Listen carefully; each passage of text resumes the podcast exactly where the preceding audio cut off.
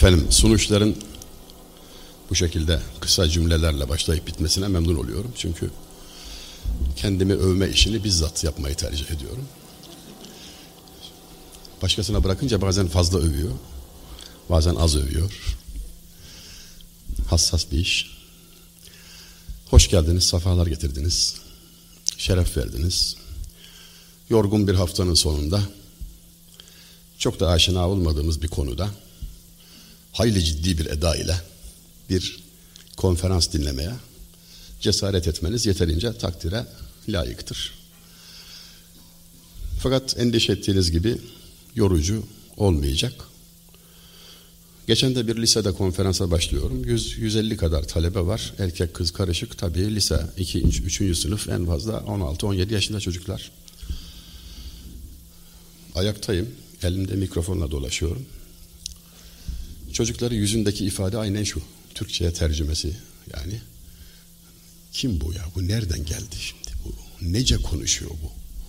Okuduklarımızın Türkçe olduğundan bile emin değiller çünkü. Nereden çattık falan gibi. Fakat sonra mutabakat sağlandı. Artık sinek uçsa duyulacak derin bir sessizlikle dinliyorlar. Fırsat bu fırsat diyerek biz de hepsinin dikkati tam odaklanmışken çocuklar bana dua edin dedim. Böyle bakıyorlar.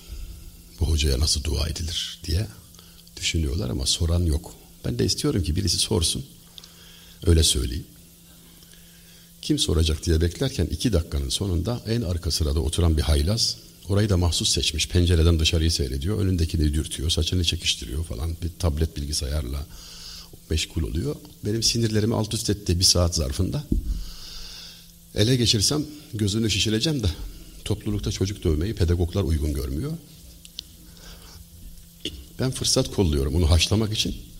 Beklediğim sual de ondan geldi. Kaldırdı parmak. Soru soracak. Kızgınım ya. Ayağa kalk dedim. Ayakta sor bakayım. Kalkar kalkmaz hemen duruma el koydu. Hocam sizi dinlemediğimi düşünüyor musunuz dedi. Düşünmüyorum dedim oğlum bizzat gördüm. Yanlış gördünüz dedi. Ben sizi dinledim dedi. Nasıl yani dedim. İspat edeyim isterseniz dedi. 10 dakika kadar önce, 15 dakika önce siz bir beyt okudunuz dedi. Urfalı şair Nabi merhumdan. Kalem kecdil mürekkep rusiyah kağıt duru bilmem. Kimi etsem o şuha arzı halim yazmada mahrem. Hoppala hatasız okudu vezni gözetiyor filan bir artistik de okuyor yani. E söyle bakayım dedim. Ne anladın? Anladım tabii dedi. Manasını söylediniz onu da ezberledim dedi. Derdiyle doldu içim. Yare bir mektup yazasım var ama yazamadım. Baktım kalemin ucu eğri. Güvenemedim. Mürekkep kara yüzlü sır verilmez. Kağıt ise iki yüzlü önü var arkası var. Şairin yaptığı espri değil konumuz da. Hayret ettim. Bu kadar dikkat teyip gibi almış. Fakat buna rağmen dinlemiyor süsü vererek bir de sinirlerimle oynuyor. Sen şimdi sorunu sor bakayım dedim. Sen beni çok kızdırdın. Sor bakayım. Hocam dedi dua istediniz ya dedi. Nasıl dua edeceğimizi merak ediyoruz burada bulunan herkes ama dedi sormaya benden başka kimsenin cesareti yok. Ben sorayım dedi onlar adına. Ben düşündüm ki dedi siz şair Nabi'yi, Baki'yi, Şeyh Galip'i çok seviyorsunuz dedi. Kanuni Fatih Yavuz merhumları da çok sevdiğiniz belli dedi. Onlardan bahsederken heyecanlanıyorsunuz dedi. Tamam oğlum anladık dedi. Yeraltı dünyasında bizim dostumuz çok. Sayma hepsini. E dedi sevdiklerinizi özlersiniz haliyle dedi. İnsan özler dedi. Tabii dedim hazır dua istemişken bir an önce sevdiklerinize kavuşmanız için dua edeyim mi dedi. Bana bak dedim mikrop. Öyle dua olmaz. Sevdiğim de doğru, özlediğim de doğru ama kavuşmanın acelesi yok.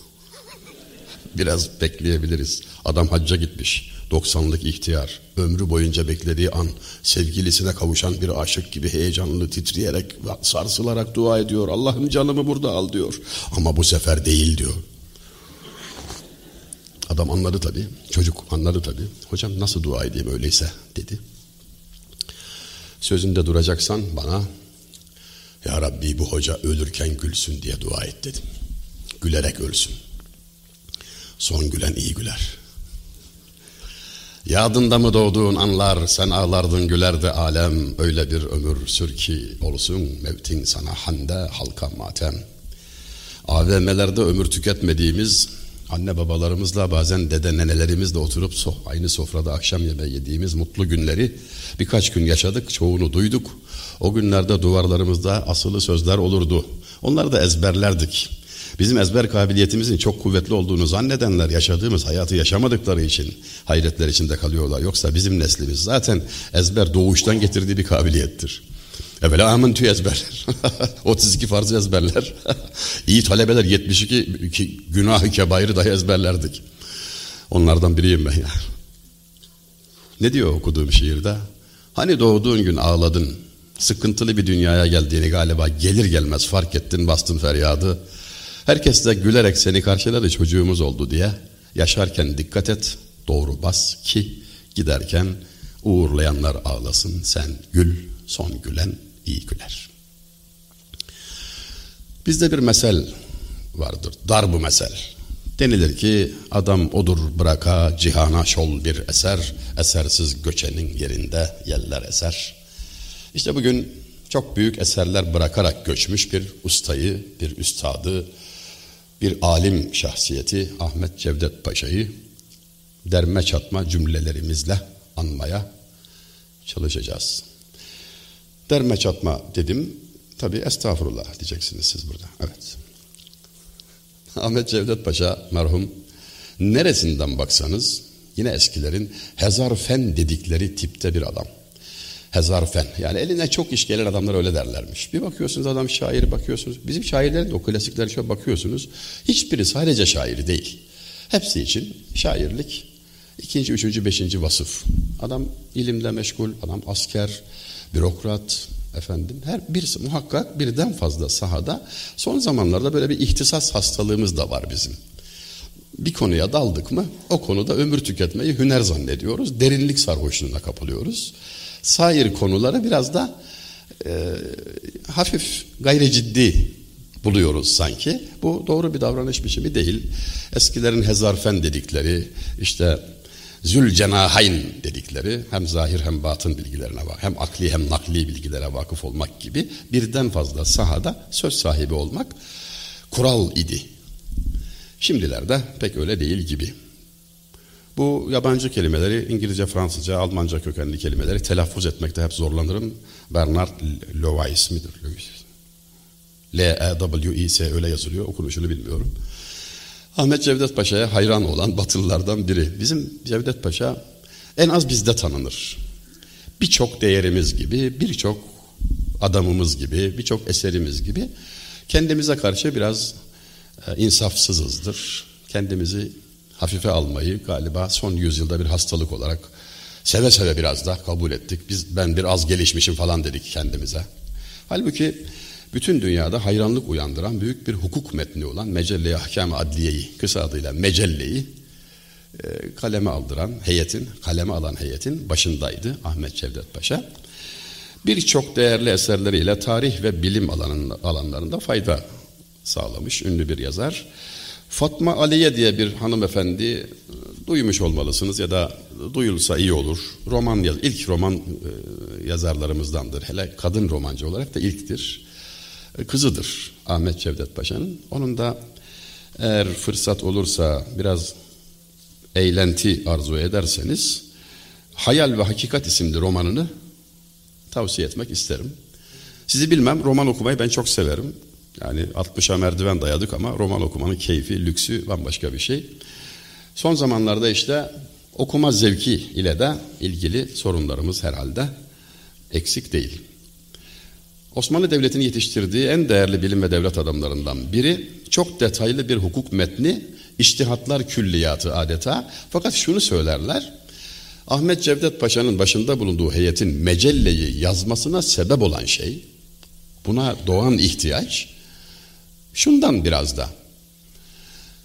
Önceki dönemde karşısına gelen bir hukuk meselesini çözmek için sorumlu olan hakim, kadı, külliyata hakim, Yani çeşitli mezheplerin, çeşitli iştihatların nerede nasıl olduğunu yorumlamasını çok iyi biliyor. Yazılı metin yok, tedvin edilmemiş, yeni deyimle kodifiye edilmemiş ama hakim var kürsüde, endişeye mahal yok. İşte bu sayı azaldı. Böyle dört başı mamur hukukçu azaldı, iyiden iyiye azaldı. Artık yazalım denildi. Yani yazmak aslında çok büyük bir başarı ama daha önceden beri gelen başarısızlığın da tescili. Yani iştihad eden kalmayınca yazıyorsunuz artık. Yani hiç olmazsa bundan sonrakiler e, rahat etsinler, önlerinde bir metin olsun diye. Bu mecellenin de yani alt maddeleri, sona doğru devam eden maddeleri çeşitli sahalarda, hukukun çeşitli alanlarında hükümler içermekle beraber ilk yüz maddesi meşhurdur. Ee, çok değil bundan 30-40 yıl önce mecellenin ilk yüz maddesini ezberlemek tavsiye edilirdi. Çünkü sadece hukuk metni değildir. Hayat prensipleridir adeta. Hayatın her safhasında insana yol gösterecek, aklına istikamet verecek muhkem kaziyelerdir. Kısa cümlelerle sarsılmaz değer hükümleri konmuştur. Bu yönüyle çok ciddi, çok büyük bir başarıdır. En meşhur maddesi galiba zaman zaman polemiklerde de işe yaradığından olsa gerek beraat-i zimmet asıldır der mesela. Üç kelimeden ibarettir ama öyle bir şey ifade eder ki Roma hukukunun nullum crimen sine lege nulla poena sine lege diye uzun uzun anlatmaya çalıştığı pek de anlatamadığı hele talebelerin hiç anlayamadığı e, husus üç kelimede beraat-i zimmet asıldır. Kat'i surette hiçbir şüpheye mahal bırakmayacak şekilde suç tescil edilmedikçe o kişiye suçlu muamelesi yapılamaz. Suçsuzluk, suçlu olmamaklık esastır. Peki bu kadar basit bir hüküm e, neye istinad eder? Arka planında ne vardır? Öteden beri çatıştığımız batı medeniyetiyle karşı karşıya geliriz burada. Günahkar doğarsın der Hristiyan batı insana, zavallı insana dünyaya geldi günahkar. Ne suçum kabahatim var? İşte günahkar geldin şöyle oldu böyle oldu filan. E temizlenmesi lazım. Al sana bir müessese, bir engizisyon, bir vaftiz bilmem ne. Kurumlar onun arkasında inşa ediliyor ama bizde öyle değil yani. Suçsuz, temiz, pırıl pırıl, mükemmel, en güzel biçimde gelirsin sonradan bozulma ihtimalin vardır. Buna dikkat etmelisin. Seni karşılarken güldüler, güzel yaşa uğurlarken ağlasınlar diyerek bir hayat prensibi. Yani sen suçsuz geldin dünyaya. İnsanı başından suçlayan bir medeniyetin tam karşısında aslında bunun da arka planında yani buna da bir bakmamı gerekirse şunu görürüz. Edebiyatımızın en üstün ustalarından biri olan Şeyh Galip aciz kanaatime göre 48 mısradan ibaret bir şiiriyle ruh dünyamızı, medeniyetimizin normlarını kağıda dökmüş 48 mısrada 48 vecize ile kaziye-i muhkeme ile hayatın prensiplerini ortaya koymuş. İnsan gazeli diyorum ben ona.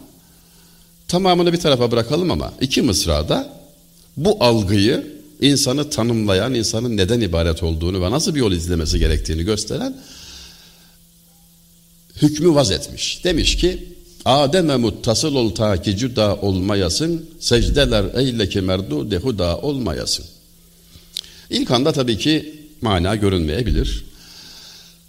Lugat karıştırıp her kelimeyle işte meşgul olmak gibi böyle bir amatör işle çok meşgul olduğum için karşınızdayım. Yaptığım amatör tetkikatın neticesi. Adem'e muttasıl ol. Babana çek. Bak babana ne yaptı. Sen de öyle yap. Babam Adem ne yaptı? Kabahatinin peşinde boynunu büktü, özür diledi, hatayı kabul etti ve yüceler yücesi oldu. Mürit oldu, Allah'ın müridi oldu. Safiyullah Adem oldu, ilk insan, ilk peygamber, İlk insana yol gösteren Allah, vaz eden. Ama hata var, bir hata var. Hatadan sonra boyun bükmek var. İkinci mısrada secdeler eyle ki merdudi huda olmayasın. Secde değil, secdeler. Niye? Çünkü bir hata sahibi daha var, iblis. Hikayenin başına götürüyor yani bizi. İblisin başında olduğu ateş kültürü, günümüzdeki görünümü batı kültürü. Adem'in aleyhisselam başında olduğu toprak kültürü ve işte Doğu kültürü, doğru kültür yani biz. O ne yaptı? Emri aldı, secde et emrini aldı, artistlik yaptı. Ben ateşten yaratıldım, toprağa secde etmem falan dedi. E, emri çiğnemek, emir sahibine hürmetsizlik. Diğer melekler secde ettiler, başlarını kaldırdılar. Muallim bildikleri iblis hataya düşmüş, sevinçle bir daha secde ettiler. O yine kaldı. Secdeler, namazda iki, iki secde sana farz oldu. Seni toprak kültürüne davet ediyor, ateş kültüründen uzak dur. Kibir, inat, büyüklenme. Anlatılır ki Hz. Musa Tur Dağı'na giderken Allahu Teala ile konuşan Kelimullah diye meşhur malum. İblis de karşılaşır. İblis de ona der ki söyle Rabbine beni affetsin. Bilir Hazreti Musa onun işi yaş ama elçidir. Arz eder. Ya Rabbi İblis böyle söylüyor. Af istiyor. Adem'in yerini bilir. Dönsün o tarafa bir secdesini affedeyim. Habere getirir. Aldığı cevap. Ben onun dirisine secde etmedim. Ölüsüne eder mi? Hala inat. Yani boşuna değil kimse boşuna kimseye zulmedilmiyor yani. O kültürün temelinde e şimdi bakıyorsunuz uygulamalar ne? E bende silah var ben güçlüyüm madem işte falan ben beyazım sen grisin, siyahsın, sarısın diyerek bir üstün peşin peşin bir üstünlük kabulü. İşte ateş kültürüdür bu. Zulüm, kibir, inat esastır. Bize önerilen ise toprak gibi mütevazı. Üstüne basarsınız o size gül verir. Aşık Veysel'in dediği gibi. Yüzün yırttım tırnağından belinen o yine beni karşıladı gülünen. Benim sadık yarim kara topraktır. Bizde esas olan işte o doğru kültürün uzantısı. Peki onun uzantısı hukuka yansıma biçimi beraat-i zimmet asıldır. Üç kelimeyle. Suçlu değilsin, tertemizsin ve seni kimse suçlayamaz. Müsterih ol. Ha suç sabit olur o zaman da müeyyide karşına çıkar. Ceza nedir? Artık ondan sonra karşılığına bakılır. Bu sadece bir ceza hukuku meselesi de değil. Hayatın bütününe tatbiki kabil, hayata bakış açısını bize gösteren kimseyi peşin peşin yargılama, her gördüğünü Hızır bil, her geceyi kadir.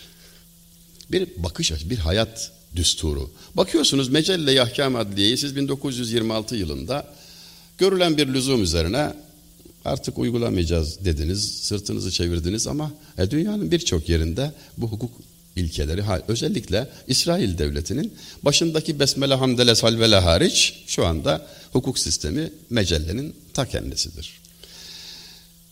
Bir kişiden sıkça söz ederim ben. İngiliz tarihçi Arnold Toynbee 1921'de gelip 51 yıl Osmanlı kütüphanelerinde ders çalışan bir adam.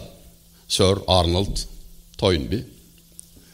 Toynbee telaffuzu zor bir kelime. T-O-Y-N-B-E-E. -E. Şimdi telaffuz yani kodlamak yerine böyle bir kolaycılık. Kodlama bilirsiniz. Bir soyadı, karışık bir kelime söylersiniz telefonda. Adam duymaz, anlamaz. Kodlar mısınız der. Vilayet isimleriyle kodlarsınız, yazar. Başıma öyle bir şey geldi benim. 1994'te İstanbul'dayım. Teknik bir derginin başındayım. Dergide de en çok korktuğumuz şey reklam yanlış basılırsa firma para ödemiyor bir sürü de e, sıkıntı oluyor. Sakınan göze çöp batarmış. En çok titizlendiğimiz reklamda bir hata oldu. Baskı müdürümüz Fatih Bey, mesai arkadaşım. O gün mesaide yok. Korkulan telefon çaldı. Ben açtım. Fatih Bey nerede dedi adam. Belli çok öfkeli. e burada değiller efendim not alayım dedim ben. Soyadı neydi dedi onu arayacak falan. O zamanlar da cep telefonunun adı var kendi yok. İlla görüşmesi lazım. Kökçe dedim anlaşılmadı. Gökçe mi işte Kökçe mü? Birkaç defa söyledim hışırtıdan duyulmadı. Kodlar mısınız dedi. Kalem eline almış hazır. Ben de kodlarken adamı yumuşatayım da Fatih az zılgıt yesin diye. Kabirin kası, ölümün ösü, kefenin kesi, çıyanın çesi, ecelin esi diye kodladım. Adam kodlu aldı da eşhedü en la ilahe illallah. Kelime şehadet getirdi. Ertesi gün Fatih gelmiş abi sen ne yaptın bu adama diyor. Kızmak şöyle dursun bir de özür diledi bizden diyor. Olur böyle şeyler Fatih ölümü hatırlamıştır dedim. Adam oradan yumuşamış olsa gerek ben bir şey yapmadım. Konumuzun azıcık dışında olmakla beraber şehirlerimizi kabir görmeyecek şekilde inşa etme hatamızdan da dönmemiz gerekiyor. Bir cenaze oluyor gidiyorsun 35 kilometre git git bitmiyor bir de dönmesi var falan insan üşeniyor. Halbuki klasik şehirlerimizde bilirsiniz yani şehrin içinde mutlaka işe eve gider gelirken insan bir kabir görür. Ne olmuş yani üstünde değil altında yaşıyor işte. Ne yani? Yani telaş etmez. İnsanın da ölüsünden değil dirisinden korkar eskiler. Öyle de yapmalı. Ahmet Cevdet 1822 doğumlu merhum. 56'da evlenmiş, 34 yaşında epey gecikmiş evliliği. Üç çocuğu var. Üçü de yazdı, çizdi, okudu, üfledi. Bilhassa Fatma Aliye meşhur oldu, romancıdır. Hukukla ilgisi her zaman var oldu. Bugünlerde hukukçu, hele hele hukuk bilgesi yetiştirmek gibi bir endişe taşımıyoruz. Ha Arnold Toynbee'den bahsediyorum dağıttım. Arnold Toynbee bu araştırmalarının sonucunda bazı çıkarımlarda bulundu. Mesela denildi kendisine 51 yıl kütüphanede ne aradın? E, şair Baki'nin memleketinde bulundum yetmez mi dedi. Adam kütüphane tozu yutuyor. Türkçe kitaplarla 50 yıl geçiriyor. Böyle bir cevap veriyor. Böyle bir sükseli cevap veriyor. Türk hukuk sistemi kendisine sorulduğunda garip bir cevap verdi. Yani anatomimizi çıkarmış sanki. Türk hukuku şöyle bir şey dedi. Bir Türk tabii 40'lı yıllarda, 50'li yıllarda yapılmış bir röportajdan bu cümleler. İsviçre hukukuna göre doğar, büyür, evlenir, boşanır, miras hakkına malik olur. Alman hukukuna göre ticaret yapar. İtalyan hukukuna göre cezalandırılır. Nöşatel hukukuna göre mahkemeye gider gelir. Fransız hukukuna göre devlet sistemine tabidir ve ölünce İslam hukukuna göre gömülür. yani sen mecelle ahkam mecelle e, metnini böyle fazlaca efendim teokratik çok böyle bir dini eser sanki bir ilmihal falan gibi görüp veya hani bir tefsir gibi görüp buna karşı tavır aldığımız oldu. Yani tanımayınca insan tabii herkes kendine göre hayalinde bir şey söylüyor. Halbuki e, bir hukuk metnidir, evrenseldir, uluslararasıdır. Hiç de öyle e, soğukkanlılığını kaybetmene gerek yoktu yani. Fakat çok uzaklaştık. Tekrar bu metnin zenginliklerine dönebilmek, e, hatırlayabilmek mümkün mü? Bilemiyorum ama en azından e, çok yabancısı olmadığımızı böyle bir entelektüel merak seviyesinde de olsa hatırlamakta, bilmekte fayda var. 1774-25, 1825 yıllar arasında e, anlattığı bir tarih kitabı vardı. Onunla da meşhurdu. Tarihi Cevdet. Kısası Enbiya, Tevarihi Hulefa, Peygamberler Tarihi ve Halifeler Tarihi diye çok ciddi başka bir eseri vardır. Sultan Abdülhamid'e devrin devlet başkanına sunduğu ve 1839'dan 76'ya kadar 37 yıllık dönemi anlattığı Maruzat isimli bir eseri vardır. Bak, yani kendisine görev veriliyor. Devletin resmini çekmek hususunda 30-40 yıla yakın bir dönemi bir eser halinde rapor olarak sunabiliyor. Çok yönlüdür. Bir tek noksanı vardı işte sadrazam olmayı arzu etti. Başbakan yani. Kısmet olmadı. Bazen de böyle şair Baki'ye de nasip olmadıydı. Şeyhülislam olmak isterdi olmadı olamadı diye de küskün gittiği anlaşılıyor.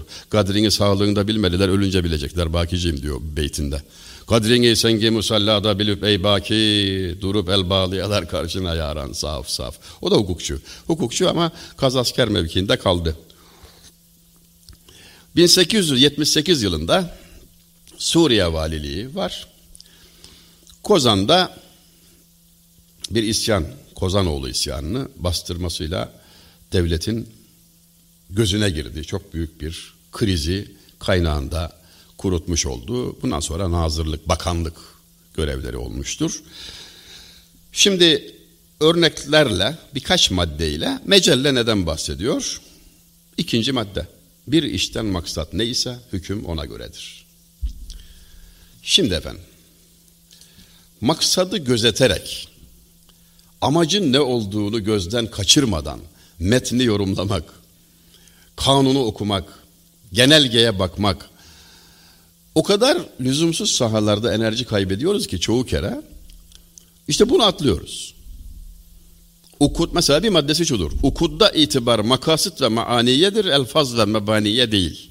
Tamam Osmanlıca kelimeden uzaklaşınca tabii bunu da hemen anlayamıyor insan nereye bakılır diyor bir akit, bir sözleşme yorumlanırken maksada, amaca, gayeye, neyin gözetildiğine bakılır. Kelimelere bakılmaz diyor. Geçen de bir dostum Profesör Doktor Sami Zan var tıp profesörü. Üstadım hatırlayacaklardır belki Çapa'da hocaydı. Onun sözlerinden birini birkaç tanesini internetten neşretmiş. Ben de hatırladım vaktiyle bir dersini dinlemiştim. Okuma sanatı diyor aslı kavrayıp teferruatı unutmaktır. Çoğumuz teferruatta boğulma sebebiyle okumakta insan bıkkınlık hasıl oluyor, yorgunluk hasıl oluyor. Makasıt ve meaniyedir. İşin özünü kavramaya bak sen. Detaya takılma. Halbuki bu noktanın unutulduğu, ihmal edildiği birçok e, yargı kararlarını e, hüzünle okuyoruz çoğu kere. O kadar lüzumsuz şeylerden bahsediliyor ki mesele çözümlenmiyor yani. Hikaye kaybolup gidiyor. İşte daha mecellenin başında ikinci maddesinde meseleyi ortaya koyuyor. Aman diyor detayda boğulma. Şek ile yakın zail olmaz. Bu kadar kısa bir cümleyle e, bu kadar geniş bir meseleyi formülize etmek hakikaten bugün kolay başaracağımız şeylerden değil. Edebiyatta bu gibi şeyleri sehli mümteni diyoruz biz. Yani çok kolay gelir insana. Bir bakarsın ya bunu ben de söylerim dersin. Dört kelime ne olmuş dersin ama deneyince olmaz. İşte Yunus Emre şiirlerinde bunu çok görmek mümkündür. Ustaların eserlerinde böyledir burada. Burada da edebiyat yapmadan edebiyata uyma yani gösterişten sakınarak ama özlü biçimde. Biraz önce üstadım dışarıda isabetle işaret buyurdular. Efradını cami, ahyarını mani olmalı. Söz. Ne demek? Dört kelime. Efradını cami, ahyarını mani. Yani bir şeyi tarif ediyorsan, bir şeyden bahsediyorsan, ne olduğunu anlatacaksan iki şart var. Hem ne olduğunu hiç tereddüte yer bırakmayacak şekilde ortaya koymalısın hem de ne olmadığı çok açık olmalı. Tavuk yumurtasını tarif ederken pimpon topuyla karışmasına izin vermeyeceksin. Beyaz yuvarlak avuca sığan bir şey dedin. Güya tarif ettin. İyi ama pimpon topu da öyle, yumurta da öyle. Olmadı yani tarif.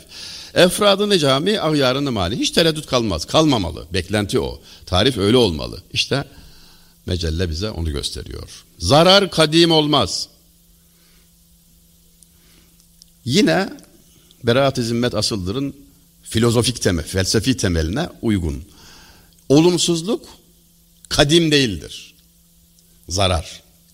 Kadim değildir yani eski, öncesi bilinmeyecek kadar eski ve korunmaya layık bir değer değildir. Çünkü asıl olan pozitif, asıl olan olumlu, asıl olan doğru. Sıfat-ı arızada asıl olan ademdir. Arızı sıfatlarda dışarıdan gelmiş hastalık gibi olan şeylerde asıl olan yokluktur. Asıl olan çünkü doğruluk. Her şeyin aslı temiz. İmam-ı Azam Hazretlerine geliyor birisi. Kadıncağız erkek çocuğu yokmuş da gahretmiş. Bir sene içinde ay parçası gibi güzel, güzeller güzeli bir oğlum olmazsa şunu şunu yapacağım demiş ve kötü yemin yani olmayacak iş. Çocuk doğmuş, e, çirkin. Hiç de güzel değil çocuk. Kadıncağıza öyle gelmiş. Biz de ettik demiş şimdi ne yapacağız? Gitmiş Hazrete çözdürmek için. Sen demiş şimdi bir defa böyle yemin olmaz. Yani çok yanlış bir şey olmuş bir daha yapma buna bir tevbe etsen. Fakat çocuk çirkin oldu ben de güzel diye, olsa diye yemin ettiydim diyorsun. Bu çocuk niçin çirkin niye çirkin diyorsun. İşte efendim demiş yani. Allah onu güzel yarattım diyor. Lekad halaknal lekad halaknal insana fi ahseni takvim. Biz insanı en güzel surette yarattık diyor. Sen ise gelen çocuğa çirkin diyorsun. Neye göre? bir defa senin yemini tutmadı. Yani pozitif esas her sahada, her alanda esas. Doğru olan, sahih olan. Arızı sıfat aslı olan ademdir. Aslı yoktur. Sonradan gelmiştir. Yamama bir şeydir. Giderilir ve giderilmelidir. Zarar bir kaderel imkan defolunur. Bir başka mecelle maddesi. Zararı diyor elden geldiği kadar uzat uzaklaştırmak, def etmek esastır. Def-i mazarrat celbi menafiden evladır. Hükme bak. Bir durumla karşılaştın. Zarar ihtimali var, fayda ihtimali var. Önce bir zararı gidermeyi öne alırsın. Zarar bir olmasın, hastalık bir gitsin önce de menfaat sonraki iş. Olursa iyi olur. O sonraki iş. Ama mazarratın def'i esastır.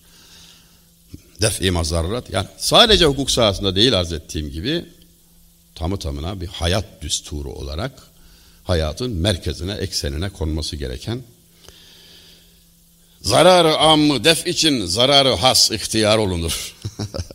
Umumi, genel zararı gidermek için birkaç kişinin zararı göze alınır.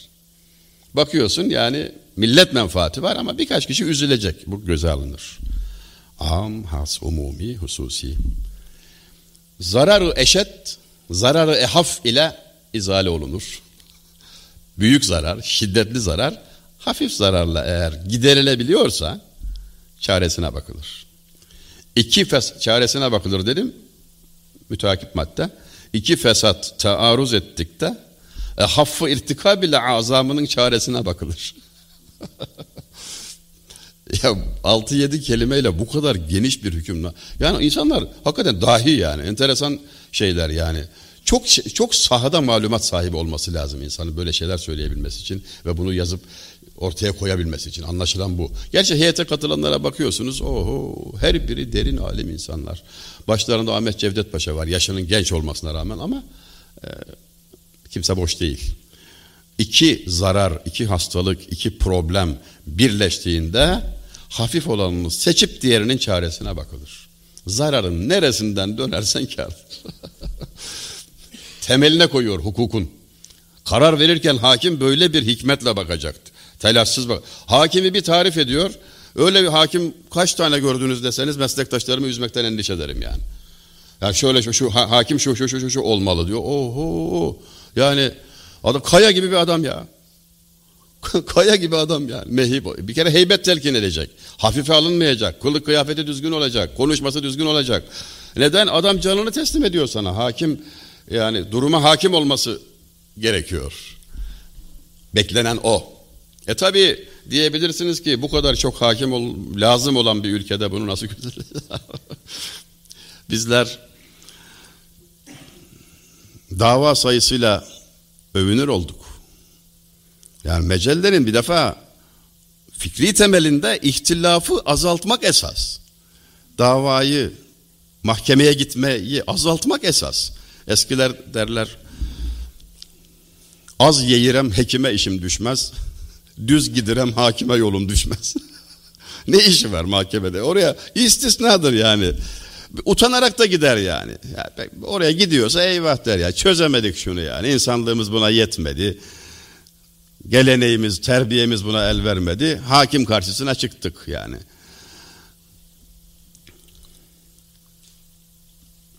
Oraya gittikten sonra bir kere haklı da çıksan yani iş o ki ihtilaf kökünden çözülsün. Hayat prensibi yani mahkemeye gelmeden önce bunlara bakıldığında zaten hakimin işi azalıyor. Hakime fazla iş düşmüyor. Zarar demin söyledim zarar bir kaderel imkan defolunur. Hangi kürsüden söylüyor? Elden geldiğince zarar giderilir ona bakacaksın. Bir iş dıyık oldukta müttesa olur. Ama tabii sizin de dikkatinizi çekiyor. Kelimelerden uzaklaşmış olmanın bir sonucuyla karşı karşıyayız. Yani evvela bir kelimeyi anlama sıkıntısı çıkıyor insanın karşısına. Adını kaybettiğinin tadını da kaybedersin. Benim bir hemşerim, çoğu öyledir ya, dedemiz mesabesinde bizden 40 yaş, 50 yaş büyük olan nesil, köyden şehire bir kere askerlikte gider. Bir kere hasta olunca hastalık artık çok böyle şiddetliyse belki hastaneye bir götüren olur. E, belki bir de hacca gider. Bunun dışında seyahat olma ihtiyaç da duymaz zaten. Ömrü boyunca Kabe yollarına yüz sürmeden canımı alma Allah der. Ya, Venedik'i görmeden ölme diyorlar falan dese git sen gör de bir de sinirlenir yani başlatma şimdi filan. İkinci seyahati Denizli'ye gelmiş bir ihtiyar. Tanıdığım biri. İlk defa Denizliliyim ben. Denizli'nin Çameli kazasının Sarıkavak köyünden Denizli'ye gitmiş 140 kilometre. Oho 6 ay anlatır o seyahati yani o kadar önemli onun için o. Acıkınca yemek nerede yenilir diye sormuş bir lokanta göstermişler. Oturmuş ama yemek istemeyi de bilmiyor. Garson çağrılacak alışmış mı adam ne, ne bilsin. Yanındaki kişinin yediği yemeğe bakarak şundan getir oğlum demiş. Getirmişler. Bir kaşık almış yemiş falan sevmemiş. Oğlum ne bu demiş. Patates demiş. Anlaşıldı demiş. Adı gidince dadı da gitmiş. Biz buna kumpir deriz çok güzel olurdu. kelime gitti. Kelime gidince beraberinde mana gider. Gidiyor maalesef yani. Bizim kelimelerle aramızı düzeltme problemimiz var. Daha önce bir defa söylemiştim belki ama kelimelerin azlığı çokluğu nasıl bir şey getiriyor diye. TRT'de program konuyum efendim. Yıl 2005. Güzel şiir okuyor bu falan diye çağırdılar.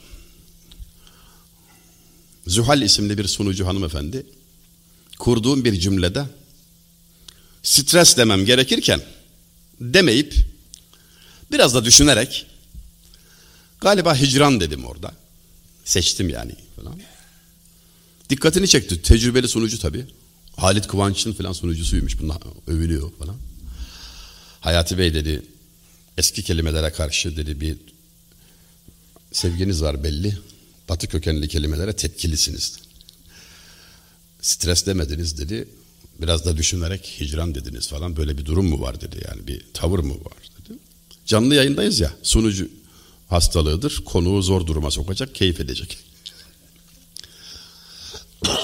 Bakın dedim ben öyle bir şey yapmıyorum ama galiba siz bu kelimeyi kullanmamamı sevmediniz stres. Evet dedim bu Türkçe. Türkçemize gireli 30-40 yıl oldu olmadı. Fakat merak etmez misiniz yani bu kelime gelmeden önce biz konuşmuyor muyduk? Yani bu duyguyu tanımıyor muyduk? Bakın ben size söyleyeyim.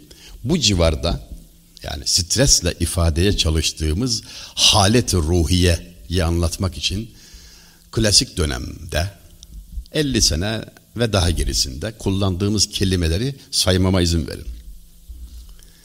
Unutacaklarım hariç gam, gussa, kasvet, keder, melal, inkisar, ızdırap, hüzün, kahır, yeis, efkar, tasa, dert, mihnet, elem, üzüntü, sıkıntı, kaygı, enduh, küduret, dilhun, hicran bilmem ne. 20 küsur kelime. Unuttuklarım hariç dediğim gibi ben hafızası zayıf bir adamım. 7000 beyt duruyor ezberimde en fazla dedim. Reklam da yapıyoruz başkanım yani çaktırmadan. Şimdi hepsini unut, stres ile derdini anlat. Anası ölmüş stresli. Borcu var ödeyemiyor stresli. Tuttuğu takım maçı kaybetmiş stresli. Oy verdiği parti bir muhalefette kalmış stresli. Sevgilisi terk etmiş stresli. Hava bulutlu. Ya bırak Allah'ını seversen ya. Bu, bu kadar farklı duygu tek kelimeyle anlatılmaz. Buna ya o kelimenin ana vatanı olan Fransa mıdır, İngiltere midir? O bile istemez bunu ya. Fazla geliyor yani. E ne oluyor tabii bu kadar kelime yerine yalnız strese beni mahkum edince strese sokuyorsun beni değil mi? Ben strese girmeyeceğim yani size bir şey sormaya gelmiyordu. Gelmez dedim bana bir şey sormaya gelmez. Benim arkamda bin yıl var. Ben buraya dün gelmedim ki canım. Yani.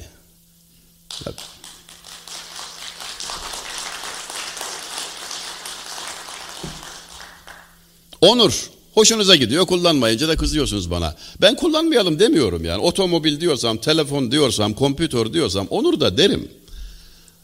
De. E gurur, kibir, şeref, haysiyet, izzet nefis, namus, iftihar. Yedi farklı kelime yerine kullanıyorsun. İnsaf et ya. Bunların hepsi aynı anlama geliyor mu? Hayır. Ahmet Efendi gururludur desem tarafsız bir duruştur. Şereflidir desem övdüm, kibirlidir desem yerdim. E onurludur deyince ne dediğim belli değil. Adamı övdün mü övdün mü? Haliyle ihtilaf çıkıyor. İhtilafları çözmek değil üretmek konusunda bir gayret var. Yani toplumsal duruşumuz da öyle, metinlerimiz de öyle. Hani hep böyle ihtilaf arayan, kavga arayan, ya ne yapacaksın? Bırak Allah'ını seversen. Sunucu hanımefendi, dedim adınız Farsça, Zuhal. Yani değiştirelim mi şimdi yani? Benim adım Arapça kökenli Hayati. Yaşamsal mı denilsin bana ya?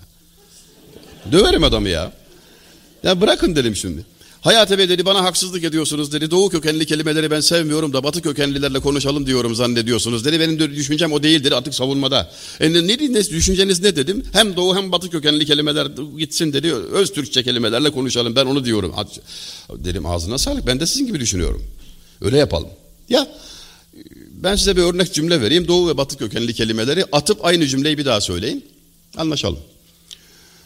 Bakkaldan aldığım somun içine peynir koyup sandviç yaptım balkona oturup hanımın getirdiği çay ve su beraberinde afiyetle yedim cümlesinde ki basit bir cümledir teknik ilmi falan değil. Kökenleri itibariyle ve sırasıyla bakkal Arapça, somun Rumca, peynir Farsça, sandviç İngilizce, balkon Fransızca, hanım Moğolca, çay Çince, su Çince, afiyet Arapça beraber Farsçadır. Yedim Türkçe. Yer misin?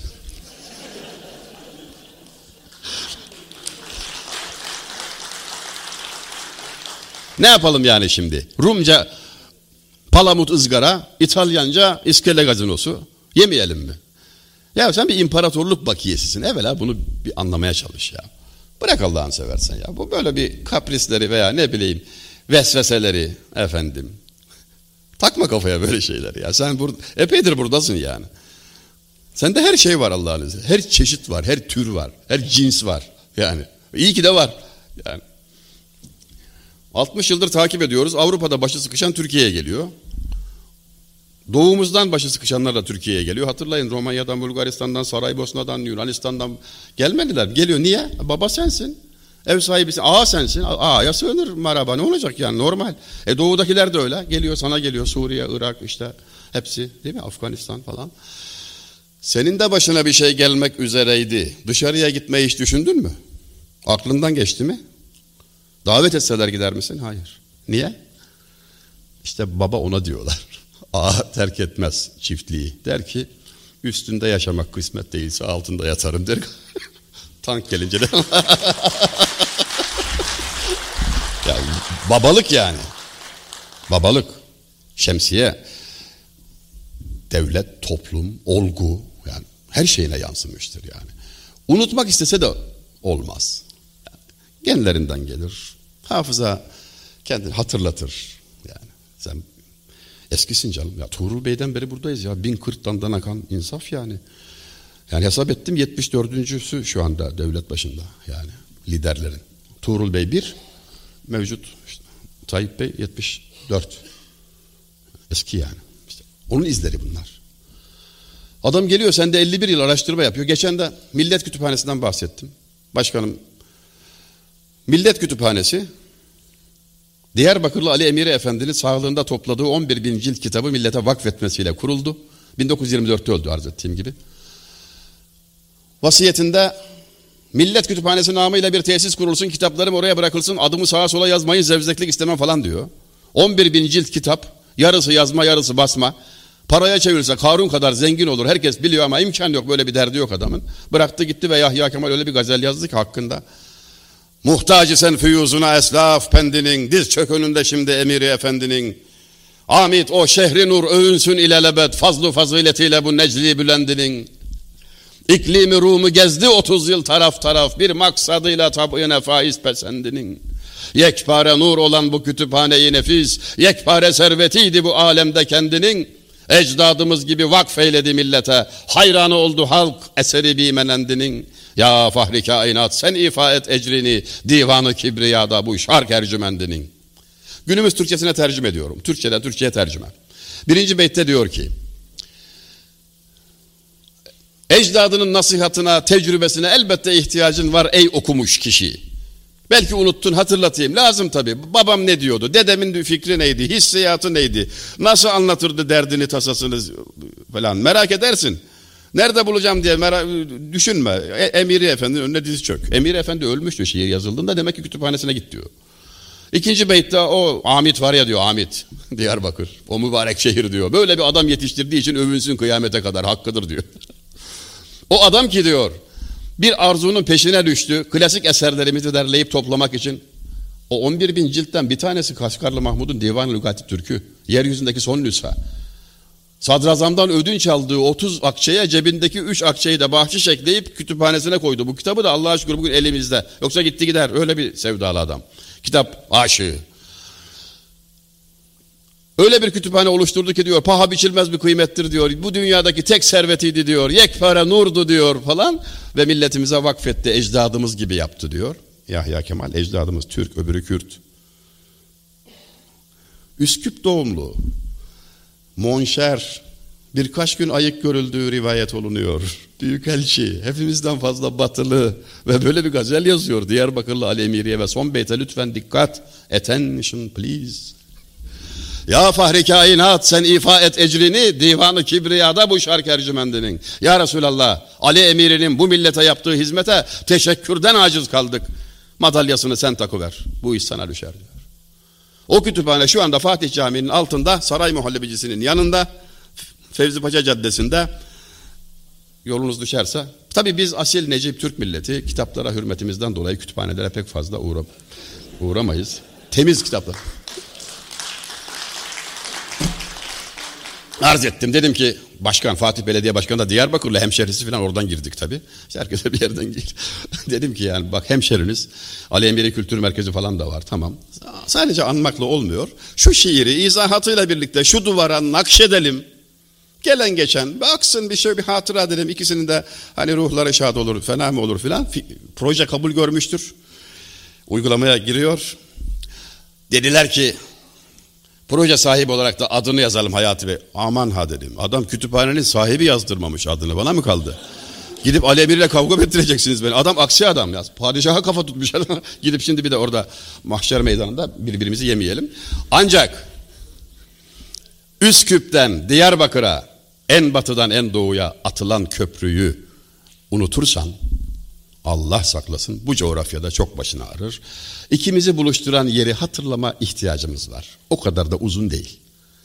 Bir dakika yani. Bu adam monşer ya. Büyükelçi, Lozan'da murahhas aza bilmem ne falan. Yani şiirlerindeki son derece kavi Müslüman edasına bakmayın. O şiirinde yani samimiyetinden de şüphem yok ama çok dindar bir hayatı yok. Camiye girdiğini gören yok, duyan var. Süle Süleymaniye'de bayram sabahını caminin bahçesinden yazdığı söyleniyor.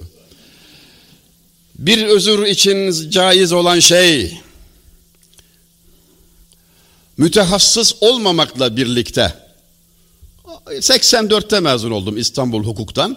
E, ben de hukukçular arasında adım geçiyor. Bir baroda kaydım da bulunuyor. O yetkiye istinaden bu kolaylıkta metinlere sahip değiliz bugün kanunlarımızda. Yani kanunu elinize aldığınız zaman pişman oluyorsunuz. Neden bahsediyor bu ya? Bir şey söylüyor üst maddede altta ancak diyor yukarıdakilerin hepsini iptal ediyor. çok konuşunca çok laf yalansız çok mal haramsız olmuyor. Burada ise görüyorsunuz şey var icaz var icaz. Mümkün olan en az kelimeyle. Efradını cami ayarını mani. Arizu amik. Yeterince derin, yeterince anlatıcı ama fazla laf yok. Bakın. Bir özür için caiz olan şey o özrün zevaliyle batıl olur. Özrüm vardı, caizdi. Özür kalktı, cevaz kalkar. Gayet basit. Gayet. Seferiyim şu caiz ama sefer bitti. O durum değişti. Gayet net. Mani zayi olunca memnu avdet eder. Mani, engel ortadan kalkınca yasak geri gelir. Engel sebebiyle zarurete binaen yasak kalkmıştı ama geri gelir. Hava gibidir yani. Su boşalınca yerine dolar. İşlenmesi memnu olan şeyin istenmesi dahi memnu olur. Yapması yasaksa yapılmasını istemek de yasaktır. Alınması memnu olan şeyin verilmesi dahi memnu olur. Alınması yasaksa verilmesi de yasaktır. Gayet veciz. Yüz maddenin tamamı böyle. Efendim eğlence kabilinden Türkçe'ye yakınlaşmak maksadıyla olsun bu yüz madde böyle üçer beşer madde halinde haftalık kendimize ödev vererek bir de Osmanlıca Türkçe lügat koyarak yanımıza çok keyifli olacağını ben vaat ediyorum. Hoşunuza gitmezse para geriye. Yani Türkçe'ye yakınlaşıyorsunuz. Lisanı derinleştikçe, lisanın inceliklerine vakıf oldukça insanın keyfi artar. Yani bunu ben 40 yıldır biliyorum. Şiir okumanın öyle bir şey var. Lükstür yani, lüks. Sıfır maliyet, keyfin yerinde. Her zaman. Ne zaman canın isterse bir de yani. Ahmet Cevdet Paşa'nın bir beytine sabah yarım saat ağladığımı da itiraf edeyim mi? Söyle, biraz sonra söyleyeceğim. O beyti nasıl yazdı? Neden biliyor musunuz? Bu kadar ciddi bir adam, bu kadar heybetli falan, bakan, başbakan adayı, hukukçu, siyaset adamı falan. İttihatçılar iktidardayken bu biraz Öbür taraf, hürriyet ve itilaf tarafında kalbi e, meyli. Yani demişler ki şimdi iktidara yaranamıyorsun. E, muhalefetle iyi geçiniyorsun ama yarın onlar gelirse de seni beğenmezler. Yani iki, iki minare arasında beynamaz kalacaksın. Bir tarafa yanaş da rahat et demişler. Ben milletimin hizmetindeyim. Aciz bir kulum. Hiçbir bayrağın altına girmem. İlla bir bayrak açmam gerekirse tek başıma bir bayrak açıp Sultanahmet'te altında otururum diyor. Böyle bir bir de ferdiyet ibraz var yani. Delikanlı kardeşim ya. Delikanlı işte yani. Yani sana yaranmak için bir şey yapmam arkadaş diyor. Burada ilim konuşuyor yani. Ne yapayım? İşine gelmiyormuş. Bana ne yani? Ben söylüyorum işte diyor. Duruş çok mühim. Nasun istimali bir hüccettir ki anınla amel vacip olur. yani ayete, hadise zıt olmamak kaydıyla insanların örfü, sürdüre geldikleri davranış biçimi normdur. Zaten normlar hiyerarşisinde bunu görürüz örf alette bir normdur. Yani lokantaya girdiniz, e, yemeği yedikten sonra çıkarken parayı ödemek hiçbir kanun yazmaz ama örftür, öyle gerekir. İstisna olursa hatırlatırlar, self servis derler gidersin. yani örf, nassa muhalif olmamak kaydıyla uyulması gereken kuraldır. Örfen maruf olan şey şart kılınmış gibidir. Anlaşma yaptınız. Adama bir av köpeği satacaksınız. Bu hususta mutabıksınız. Ama ya bu köpek, köpek neticede ısırır bilmem ne tehlike var. Kim nerede nasıl teslim edecek? Yazmadınız, söylemediniz, konuşmadınız. İse örfen sabit olan şey akten sabit sayılır. Örfü bildiğiniz farz edilir. Gider adamın ağırından alırsın yani. E bilmiyordum. Ya örfü bileceksin yani. Nerede? Ayda mı yaşıyorsun? Bileceksin. O kadarını bekler senden. E bugün de caridir ceza hukuku. Kanunu bilmemek mazeret sayılmaz der değil mi? Ben bilmiyordum, bilseydim yapmazdım falan. Bileceksin abi. Yaşadığın ülkenin kanunu bileceksin diyor sana hukuk sistemi. Bu da aşağı yukarı. İptida en tecviz olunamayan şey baka en tecviz olunabilir. Başta cevaz verilmemiş, izin verilmemişse sonradan izin verilebilir. Akit hürriyeti, sözleşmedeki serbestiyet yani yapabilirsin. Genel kurallara aykırı olmamak kaydıyla. Bakın şu, şu enteresan geliyor 59. madde. Bir kelamın imali ihmalinden evladır. Ama imal, ihmal, evla. Lügata bakmaya değer. Şu demek, sözleşmede bir kelam, bir madde geçiyor, bir kelime geçiyor. Ne yapayım? İyi de anlamadım. Mümkünse anlamlandır. İmal et yani. Mümkünse ona bir değer atfet. Olmuyorsa olmaz. Ama ihmal etme. İhmali ehva ihmalinden evladır. Manayı hakiki müteazzir oldukta mecaza gidilir. Hakiki manası müteazzir. Yani çok zor. Olası değil. Akla aykırı. Bir örnek işitmiştim hocamdan. Hukuk hocam. Arapçada ki çoğu Arapça kelimeler Arapça kökenli olduğu için gramerini bir parça tanımakta fayda var. Anlamayı kolaylaştırır. Elif lam takısının yeri ve görevi. El. İngilizce'de d. Fransızca'da le. Türkçe'de d yerine ne var? Bugün bir şey yok. 50 sene önce vardı. İş bu. O kavram olmayınca İngilizce öğrenenler terliyor şimdi soğuk soğuk. D'yi anlatamıyorsun çocuğa. E doğru kapı, d doğru da kapı. E şimdi ne oldu ya? D olunca ne oluyor? Anlatılamıyor yani. Çünkü mefhum biz dedik ya adı gidince tadı da gidiyor. O kelime gidince kavram da gidiyor. Belirlilik eki. Malum olan kapı demek yani. The door. E door herhangi bir kapı. Arapçada bu görevi ifa eden takı el. Soru şu. Efendim balıklar su içer mi diye sorulmuş ne cevap verilmeli? Cevap. Eski eskilerin suya ait eserlerinde şadırvan olsun, sebil olsun bilmem ne yaparsa baş tarafa bir ayet yazarlar. Estaizu billah ve cealna minel ma'i kulli şeyin hay. Her şeyi biz su ile yaşar biçimde yarattık. Suya muhtaçtır. Kim? Her şey. Her şey ibaresi külle şeyin. Her şey.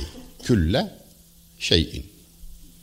İyi ama Arapçada külle şeyin her şey demek olduğu gibi külle şeyin de her şey demek. Elif lam var. Harfi tarif. Olunca ne olur olmayınca ne olur? Örnek. Adam dese ki Ekeltü külle rummane ya da durup dese ki ekeltü küller rummane eğer harfi tarif varsa, d varsa, l varsa, iş bu varsa şu demek olur. Bildiğiniz birkaç nar vardı hani şurada demin konuşmuştuk. Siz de biliyorsunuz o narları ya yedi taneydi faraza. Onları yedim. Bütün narları yedim. Tercümesi bu. Ama bilinen narlar. Yok harfi tarif yoksa yeryüzünde ne kadar nar varsa yedim. Şimdi sınır yok. O halde bütün narları yedim. Hangi yeryüzünde ne kadar nar varsa. Mecelle devreye giriyor. Manayı hakiki müteazzir oldukta mecaza gidilir. Müteazzir bir insan yeryüzündeki bütün narları yiyemez. Böyle bir iddia olmaz. Deli bile bunu demez. O halde ne dedi bu? Mecaza gidilir. Kaç çeşit nar varsa hepsinden yedim. Tatlısı var, ekşisi var, kırmızısı, sarısı, yazı, kışı, kuzey, güney. Bunu demiş olur. Peki cevaba yarayan kısmı ne bunun? Ayette harfi tarif yok. Yani tahdit yok. Yani sınırlama yok. Yani balıklar dahil. Balık da su içer. Şimdi bir ekin metni anlarken getirdiği götürdüğü mana bu kadarken böyle bir durum ile biz karşı karşıyayken sadece lügat yardımıyla ayet ve hadis anlaşılmanın çok da mümkün olmayabileceğini görmek zor değil. Tefsir diyorlar buna. Kelamdan muradı anlamak. İşte mesela kurallardan biri bu. Manayı hakiki müteazzirse mecaza gidilir. Size mantık öğretiyor aynı zamanda ya. Sadece hukuk değil ya. Mantık öğretiyor. Ya böyle de demiş olamaz yani. Kim kim der? Deli mi adam? Yani milyonlarca tonlar yemiş olsun. Başka bir şey demek istiyor. Mecaz var. Ne o işte bu. Şiir de mecazdan ibarettir. Yani sözü şiire getireceğiz ite kaka. Yani şiir söylemem lazım buraya çıkmışken. Geliyorum. Bitiyor. Bak sonlara doğru yaklaştık.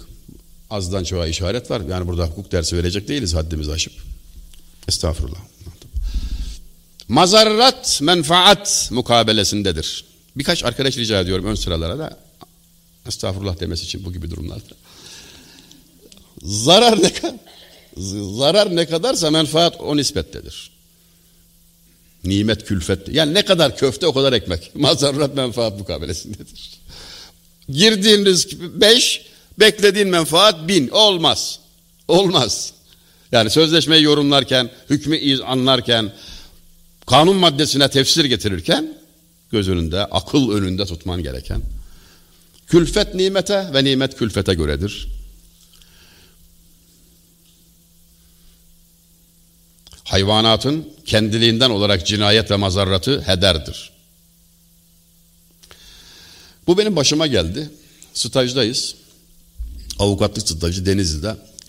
Emekliliğe yaklaşmış bir hakim. Sanık huzurda yok. Şahsi dava açmış adam. Sulh Ceza Mahkemesi'nde.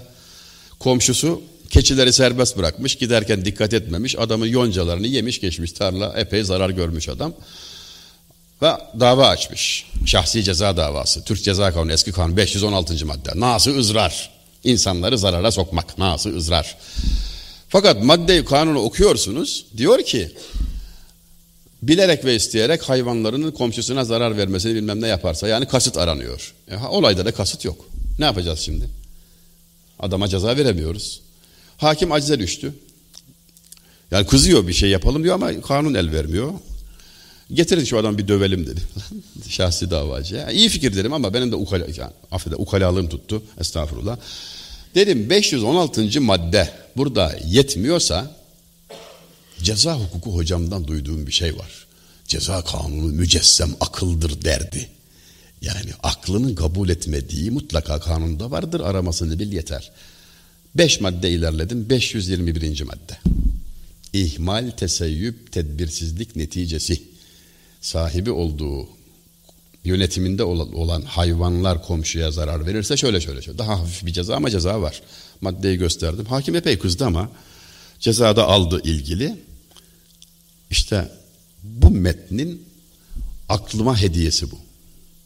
Ya aklım bunu kabul etmedi ise abi bunun karşılığı vardır. Yani, yani hiçbir kusurun olmazsa hederdir. Yani gitmiş öküz süsmüş zarar o tamam hederdir. Ama sürüyü götürürken yapabileceğin bir şeyler var. Onu yapmadınsa ihmalin devreye girdi. Eski değil teseyyüp, ihmal, teseyyüp, tedbirsizlik, dikkat. Bu kelimelerin hepsini kaldırınca da şimdi mana sizlere ömür.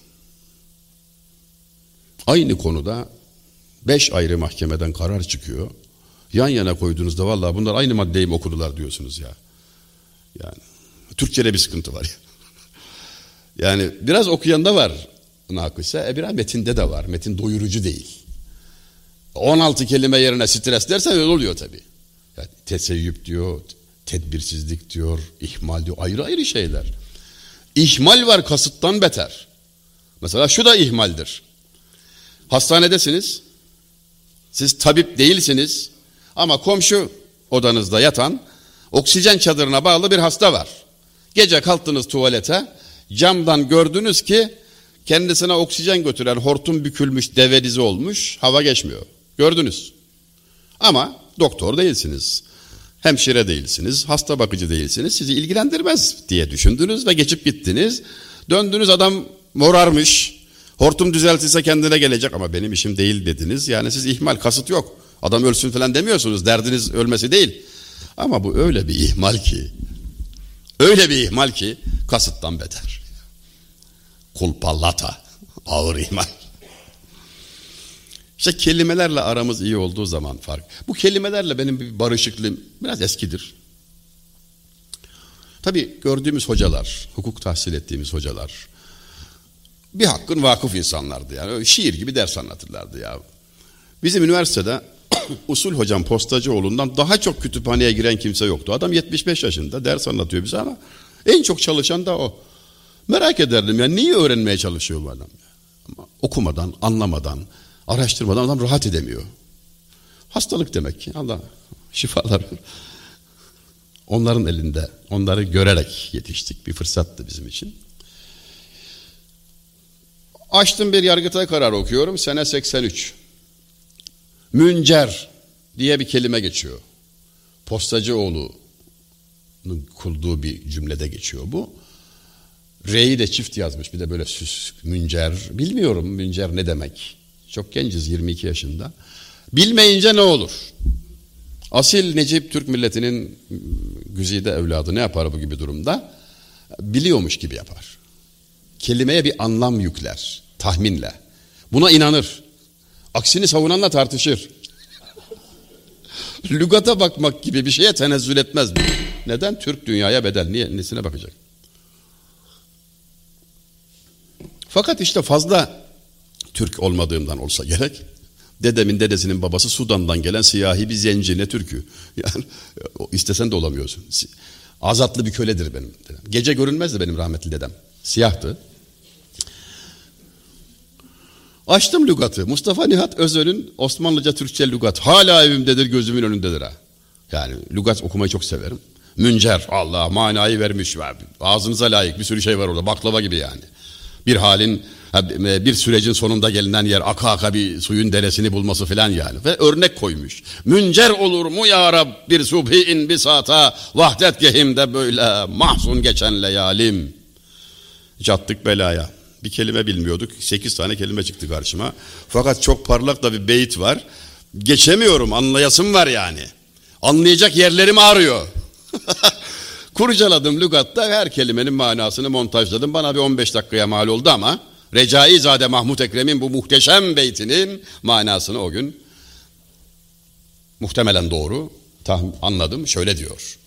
Şu hücremde geçirdiğim karanlık geceler ferah bir sabaha dönüşür mü ya Rabbi? Dua var, niyaz var, sitem var biraz. Hapis yata yata biter var biraz. Ve bende kaldı. Merak sahikiyle peşine düştüğüm için ödevim değil, dersim değil kimse sormaz ama merakla kurcaladığım için ve bu alışkanlığım devam eder. 40 küsur yıldır en çok karıştırdığım kitap lügattır, tavsiye ederim. Bunu havalı bir entelektüel faaliyet olarak filan söylediğim zannedilmesin, eğlence olarak söylüyorum. Cidden eğlenceli bir şeydir. Yani bir beyt okuyup gözlerinizin sulanması veya bir beyt okuyup neşenizin yerine gelmesi az şey değildir. Bunu sağlamak için epey masraf ediyoruz. Çoğu kere de başarısız oluyoruz. Çocuğumu sinemaya götürdüm. Geçen de filmin yarısında beni çıkar. Torunu yani. Masraflı bir sürü para verdik. Filmi beğenmedi çocuk. Biz çocukken sinemaya götürüleceğiz de bir de çıkıp gideceğiz. Oo, dayaktan korkardık bir kere. Mütesebbip, müteammit olmadıkça zamin olmaz. Sebep olan, kastetmiş olmadıkça tazminat ödemek sorumluluğu altında olmaz. Deminki husus var yani. Kastı var mı? Art niyeti var mı? Ama öyle bir yer vardır ki bu kuraldır, kaidesi. Burada suç zaten ihmalle işlenir. Veya burada zarar ihmalle verilir. Ceza veya tazminat buna göre hükmolunur. Buna biz hukuk nosyonu diyoruz. Kim ki bir şeyi vaktinden evvel istica eyler ise mahrumiyetle muateb olur. Güya hukuk metni. Zamanından önce bir şeyin kapısını çalarsan yüzün kızarır diyor. Muateb olur, azarlanır. Ne acele ediyorsun? Kayserili şair Beli Kayseri müftüsüymüş.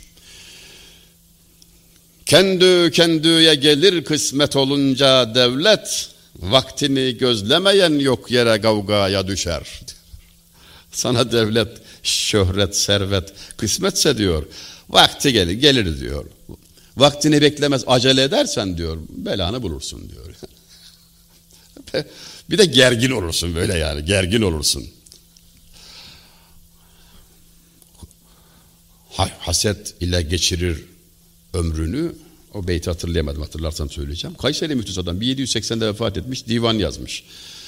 Müftü şiir yazıyor. Şiirleri de divan tertip edecek kadar da bir yekün teşkil ediyor. Nasıl insanlar bunlar? Bakıyorum Kanuni merhuma sultan mı şair mi? Galiba full time şair, part time devlet başkanı. Bana dokunan beyti okuyayım size. Meğer sermaye-i şadi imiş köyü dilarada serişkim nakdini hakile mavşuş ettiğim demler. Üşenirseniz kelimelerin manalarına tabi beytin size vereceği bir şey olmuyor yani. Aman ha üşengeçlikten tevbe edelim bugün. Anam öyle derdi ben. Üşengecin çoluğu çocuğu olmaz derdi. İyi bir şey değil yani. Ömürden ziyan. Fethi Bey söylerdi değil mi? Fethi Gemuhluoğlu. Uykuyu azaltmak ömrü çoğaltmaktır. Bir saat az uyusan her gün 30 senede oho epey yapıyor yani. 365, 3600 bilmem kaç saat ki adam doktora tezi yapar yani. Günde bir saatten bir doktora çıkar yani 30 yıl. Meğer sermaye-i şadi imiş köyü dilarada sirişki nakdini hakile mavşuş ettiğim günler. Ben diyor sevgilinin muhitinde ona yakındım. Ama kavuşamadığım için epey ağladım. Meğer ne bahtiyar günlermiş diyor orada ağlamak diyor. Şimdi yakında değil. Uzadı. Hazreti Ebu Bekir'in bir sözü geliyor hatırıma. Çok oldu ağladım diyor. Gün oldu ağladım ağladım. İnsan bugünü kendisine ızdıraplı zannediyor, acım var zannediyor. Ama öyle bir şeyle karşılaşıyor ki ah ne mutlu, ne güzel günlermiş onlar diyor. Huzurunda ağlayabiliyordum diyor. Daha yani daha ne istiyorsun? Ah diyor şimdi ağlayabilsem. Bir doktor söyledi bana. Abi dedi kalp mütehassısı. Benim de kalbime baktı da yani epey bir sohbet ettik. Geçen de dedi çok kaba bir davranışım oldu dedi yani bir eşeklik yaptık dedi pişman oldum dedim estağfurullah ya kibar da bir arkadaş ne yaptın şöyle oldu dedi hastanede üçüncü katta dedi hastam vardı yaşlı bir hasta yatağa bağlı senelerdir asansör bozukmuş üç kat yürüyerek çıktım biraz da bencileyin göbeği falan vardı yorulmuş nefes kabarmış odaya girince of yoruldum demiş hasta yatakta of yoruldum demiş hasta demiş ki ah evlat bir de ben yorulabilsem Adam yatağından kalkamıyor. Yanında bir doktor olarak yor of diyorsun. Yani eşeklik diyor yaptığımız diyor ya. Adam. 15 yıldır yatağa bağlı adamın yanında konuşuyorsun. İnsan tabii kendi halini göz her şeyi görmek kabiliyetine haiz ama kendini göremiyor. Göz kendini göremiyor. Galiba irfanda o insanın kendini görebilmesi. Merhumun bir başka beyti şu. Hubanı bi vefa gibi dehri desise baz, Naz ehline niyaz eder ehli niyaza naz. Zaman diyor, vefasız güzeller gibi. Naz edene niyaz ediyor, niyaz edene naz ediyor. Peşine düşersen kaçıyor yani. Sırtını dönersen peşine düşüyor. Kovalarsan kaçar, kaçarsan kovalayamaz. Yetişe, yetişemez. Dünya böyle bir şey. Hadis-i şerif. Dünya gölge gibidir diyor. Kaç, kovalarsan kaçar, kaçarsan peşinden gelir.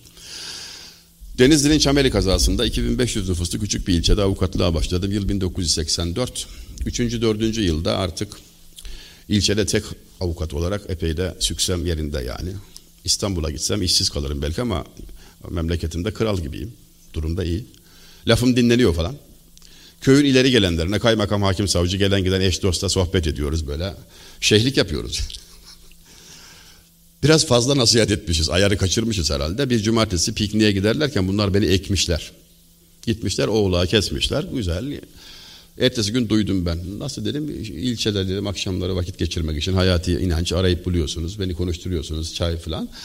Piknik olunca beni ekiyorsunuz dedim. Vefa mı şimdi bu dedim yani ayıp olmuyor mu? Ya sen hep dedi ahiretten bahsediyorsun dedi. Sen de çağırmayacağız bir daha dedi. Dünya anlat.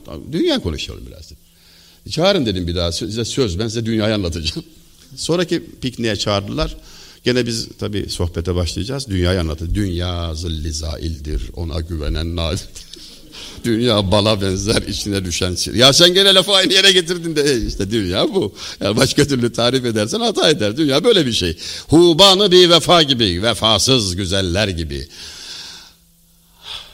Güzeller naza aşıklar niyaza geldi dünyaya hayali sözle meşhur oldu hatemden kerem kaldı. En çok sevdiğim şairlerden biri olan Kanuni merhum döneminde yaşamış 1555'te vefat etmiş Fuzuli'den bir sene önce Hayali Bey'in gayet yakışıklı beytini okudum bir daha okuyayım. Güzeller naza aşıklar niyaza geldi dünyaya hayali sözle meşhur oldu hatemden kerem kaldı. Güzeller naz eder diyor. Aşıklar da yalvarır. Zaten herkesin bir rolü var diyor. O öyle yapacak, bu böyle yapacak. Gül ağlayacak, gül gülecek, bülbül ağlayacak. Hatem de keremiyle, cömertliğiyle meşhur olduydu. Acizane biz de sözümüzle diyor. Aleme şöhret saldık. Şair çaktırmadan övünüyor. Hayali sözle meşhur oldu. Hatem'den kerem kaldı. Bizimkiler çok neşeli insanlardır. Bizimkiler diye kastettiğim şairlerimdir, şairlerimizdir. Güzel adamlar. Şiirlerinde insanı sersemletecek derecede gördüğünüz, sarhoş edecek derecede gördüğünüz böyle dert, gam falan filan çok keyifli insanlar onlar. Öyle değil yani. Şiir öyle gerektiriyor. Yani esasen mizah çok hüzünlü bir şeydir yani. Bakmayın mizah çok ciddi bir şeydir. Gece ağlamayan gündüz gülemez. İçi ağlamayanın yüzü gülmez. Güzel insan öyle tarif edilmiş. Bizimkiler gayet hikmetli, güzel anlatırlar. İnsanın aklında kalır. Misali ab ederiz ne kübedle amizeş. Bu kârgâhte muayyen mizacımız yoktur. Nabi merhum. Su gibiyiz diyor su. Öyle ne, neyin, neyin benziyor suya? İyiyle de geçiniriz, kötüyle de herkes bize muhtaç. Bakıyorsunuz ahlak ilminin üstadına nasıl olalım hocam diyorsun su gibi ol diyor. Yani suya herkes muhtaçtır. Herkes onu arar. Her haliyle güzeldir. Damlayken de, denizken de, çağlarken de, dururken de, buharlaşmışken de, dolmuşken de her haliyle güzeldir. Cenab-ı Hakk'ın cemal sıfatının tecelligahıdır. Fakat aynı zamanda celal sıfatı da suda tecelli eder. Öfkelendiği zaman denizi, gemileri yutar transatlantikleri yutar. Kudret sıfatının tecelligahıdır. Bir damla su donduğu zaman genleşecek saha bulamasa kayayı patlatır. Hayatın menbaıdır. Onsuz hayat olmaz ve cealna minel ma'i külle şeyin hay. Fakat ölümün de sebebidir. İçine düşen su. Su insanı boğar, ateş yakarmış. Her haliyle güzeldir arz ettiğim gibi Razzak sıfatının isminin tecelligahıdır. Yani su gibi olmayı tavsiye ediyor. Baki merhum da diyor ki ey sevgili diyor Güzel insanlar da namussuzlar da diyor. Sana kavuşma derdindedir. Öyle ya diyor rahmet bulutunu kafir de bekler Müslüman da. Kemali aşk ey baki seraser sırrı vahdettir. Muradı cümlenin birdir. Bütün dünyayı söyletsen. Baki'den bir beytle hatmi kelam edelim. Sözü bağlayalım. Baki bu beytte diyor ki aşkın yani muhabbetin ifrat derecesinin sınırsızlığa ulaştığı halin varacağı yer ilahi aşk Allah'tır diyor. Vahdet sırrına ulaşır. Aşık bunu bilse de bilmese de. Çünkü insan yalnız Allah'a muhtaç biçimde yaratıldı. Bunu inkar ederse ya da ihmal ederse sadece kendine dünyasını mahiyetini dar eder. Efendim Ahmet Cevdet Paşa gibi büyük bir isim, marka bir isim etrafında bir miktar haftanın bu son gününde sizi yorduksa bağışlanmamızı dileriz. Estağfurullah. Fakat bir hatıramı anlatayım da bitirelim isterseniz. Üstadım burada olduğu için 1990 yılında yazdıkları eseri bir başka açıdan eser, Kemalizm eserini okuduğumu ve o anda düşündüklerimi, kazandıklarımı söylemeyip söyleyip kendilerini utan, mahcup etmeyip.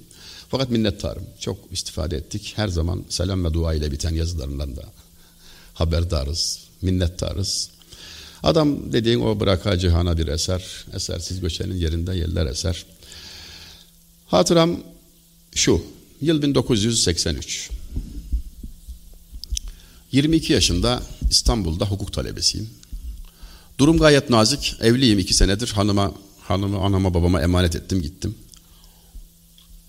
Denizli'nin Çameli kazası İstanbul 650 kilometre mektup yazıyorsun bir ay sonra cevap ya geliyor ya gelmiyor. E dersler ağır, mektebin biteceği yok, çocuk doğmak üzere, para yok, pul yok falan. Yani e, ağlamak için şartlar çok müsait. Biz de hiç fırsatı kaçırmazdık. Bir de ayrılık şiirlerini ezberliyorsun. Ezber nasıl yaptın diye sorarlar bana. Bu durumda sen de olsan ezberlersin. Yani dedi yaptığımı yap. Bak neler ezberliyor. Hatta yazarsın bile. Bahtiyar Vahapzade'ye sordular şair nasıl yetişir diye. En sevdiğin elinden alacaksın benim vatanımı aldılar dedi. Öyle şair olunuyormuş. Fakat o günlerde bir derdim de şu. Yani ayrılık şiirler ezberliyoruz ya. O günlerde ezberlediğim şiirlerle 20 senedir konferans veriyorum üstadım. Gurbet eli bizim için yaptılar. Çatısını pek muntazam çattılar. Ölümülen ayrılığı darttılar. 50 dirhem fazla geldi ayrılık. geldi ağlama. Apansız uyanırsan gecenin bir yerinde, gözlerin uzun uzun karanlığa dalarsa, bir sıcaklık duyarsan üşüyen ellerinde ve saatler gecikmiş zamanları çalarsa, bil ki seni düşünüyorum. Gecelerden bir gece uyanırsan apansız, uzaklarda elemli garip bir kuş öterse, bir ceylan ağlıyorsa dağlarda yapayalnız ve bir gün kabrimde sarı çiçek biterse, bil ki seni düşünüyorum. Ümit Yaşar Oğuzcan. Ya veya artık olan oldu bize, gelsen de bir gelmesen de, gelemeyiz biz yüz yüze, gelsen de bir gelmesen de. Hep kendini çektin naza, yok bahara yahut yaza, bıktım gayrı yaza yaza, gelsen de bir gelmesen de. Bir candır bu, bir andır bu. Dağ taş değil insandır bu. Gelen gider bir handır bu. Gelsen de bir gelmesen de. Bulacağın bir boş kafes. Kalmış ceset çıktı nefes. Nerede o can, nerede o ses? Gelsen de bir gelmesen de. Serden geçti artık bitti. Bu ayrılık cana yetti. O bir demdi geldi geçti. Gelsen de bir gelmesen de. Ya da elimde sükutun nabzını dinle. Dinle de gönlümü alıver gitsin. Saçlarımdan tutup kor gözlerinle yaşlı gözlerime dalıver gitsin. Yürü gölgen seni uğurlamakta. Küçülüp küçülüp kaybol Irak'ta. Yolu tam dönerken arkana bak da köşede bir lahza kalıver gitsin. Ümidim yılların seline düştü. Saçının en titrek teline düştü. Kuru yaprak gibi eline düştü. İstersen rüzgara salıver gitsin. Necip Fazıl merhum ya da ne hasta bekler sabahı ne taze ölüyü mezar ne de şeytan bir günahı seni beklediğim kadar. Geçti istemem gelmeni yokluğunda buldum seni. Bırak vehmimde gölgeni gelme artık neye yarar. İki kıta şiir yazıyor adam birinci kıtada beklediğini nasıl beklediğini anlatıyor. Hastanın sabahı beklemesinden ziyade şeytanın günahı beklemesinden iştahlı efendim ve yeni kazılmış kabrin ölüyü beklemesinden şiddetli bekliyorum diyor da ikinci kıtada geçti istemem gelmeni diye lafa başlıyor. Olacak iş değil. Arada 40 yıl geçmiş olmalı. Bir yani bugün bunu öbür günde onu yazamazsın yani. Belli ki uzun bir hikayenin başı ve sonudur. Mezar taşları da öyle değil midir? Dört haneli bir rakam, dört haneli bir rakam daha, arada bir tire. Hayat işte o tire. Bir trenin kavgasını yapıyoruz yani. Sultan Fatih merhum öyle demişti. Çün ecel sulh ettirir, ahır nizaı kaldırır. Pes nedir bu dünya için kuru kavgadan murat. Ecel gelip sulh ettirecek sen kavga ediyorsun yerli yersiz. Akıl mı bu diyor Fatih. Devlet idare eden adam, İstanbul fetheden adam, şair bilmem ne bilmem ne, altı yabancı dil bilen bir e, bir adam. Enteresan bir adam.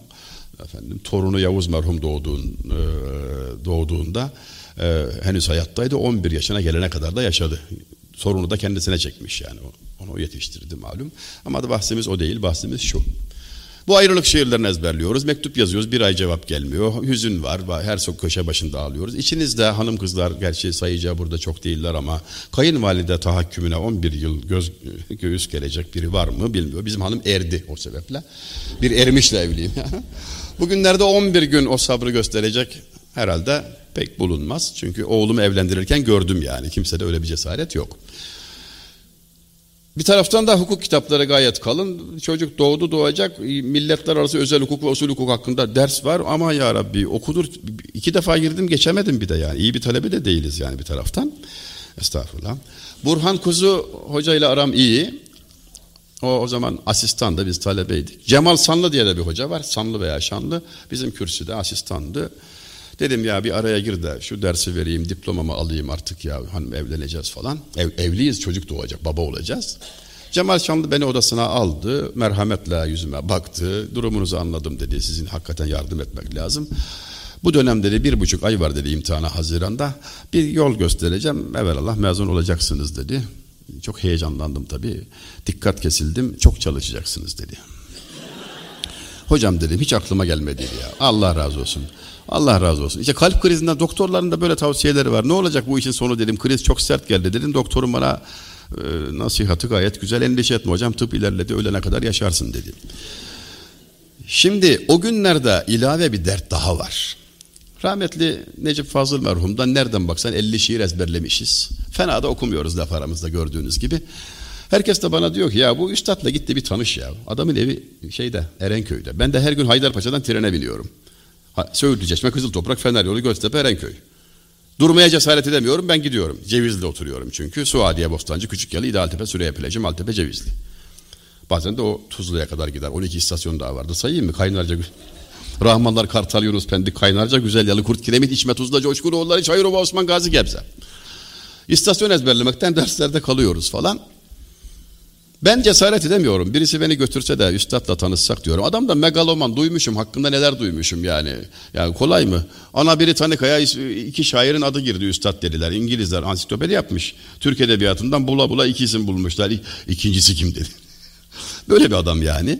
Yüzüne karşı birisi ismi lazım olmayan birisi sakal var diye tahkir ve tezyif etmek için maymuna dönmüşsün üstad dediğinde 90 derece sağa döndü şimdi de duvara döndüm dedi. Böyle bir adam bana da ters yapabilir diye endişeyle ben gidemez ve bir gün benim birisi götürsün diye beklerken 83 Mayıs'ında geç kaldığımı acı bir şekilde fark ettim. Beyazıt'tayım. Derse 15 dakika var bir gazete aldım. Gazete tam sayfa Necip Fazıl'ın resmini gördüm. Bir şairin resmi birinci sayfayı kapatacak şekilde basıldıysa e, o şair öldü yani. Sağken kimse yapmaz onu. Acından öldürüp sonra üstüne türbe yapacaksın. Adetimizdir yani. Anladım eyvah cüz etti. Ayaktayım. Gazetenin eteği yere yakın. Beyit var orada. iki mısra var. Belli yani güzel. Ölümden bahseden iki mısra herhalde yazdılar dedim. Çileden seçtiler. Bir taraftan da tahmin yürütüyorum. Ne yazmış olabilirler? Bana kalsaydı şunu yazabilirdim. Ölüm güzel şey budur perde ardından haber. Hiç güzel olmasaydı ölür müydü peygamber? Ya da şu yazılabilirdi. Şu gideni çevirsem tutup da eteğinden soru versem haberin var mı öleceğinden? O olmadı şu yazılabilirdi. Büyük randevu bilsem nerede saat kaçta tabutumun tahtası bilsem hangi ağaçta? O olmadı ebedi gençlik ölüm desem kimse inanmaz. Taş ihtiyarlar servi çürür ölüm yıpranmaz. Bilsen Karaca Ahmet bana neler söylüyor neler diyor ki viran olmaz tek bucak viraneler. Yahu yazılacak şey çok. Olmadı şunu yaz kardeşim ya deryada sonsuzluğu fikretmeye ne zahmet. Al sana derya gibi sonsuz Karaca Ahmet. E olmadı şunu yaz. Ticaretin tüm ziyan diye bir ses rüyada. Mezarına seninle girecek şeyi kazan. Seni gözleyen eşya bit pazarı dünyada. Patiska kefen küflü teneşir isli kazan. Minarede ölü var diye bir acı sala. Her kişi niyetine saf saf namaz ne hala. Böyledir de ölüme kimse inanmaz hala. Ne tabutu taşıyan ne de toprağı kazan. Ya hiçbiri yazılmaz da şu mu yazılır Allah aşkına ya? Sayfa sekreterinin yaptığına bakın. Karşımda Necip Fazıl. iki mısra. Kendisi söylüyor gibi geliyor adama. Yani bir anda sersemledik ya. Yazan da şu. Genç adam yollarımı adım adım bilirsin. Erken gel beni evde bulamayabilirsin. öyle, bir şaka yaptı ki bize ya. 83, 34 sene geçti. Randevu biraz gecikmiştir. Vaktiyle Ebul Vefa Hazretleri'nin kapısını çalıp da kendisinden şu cevabı alan Sultan Fatih hatırladınız değil mi efendim? Dedi ki Sultan Fatih müsait değiliz görüşemeyiz selamımızı söyleyin dönsünler. Çocuk haber verdi.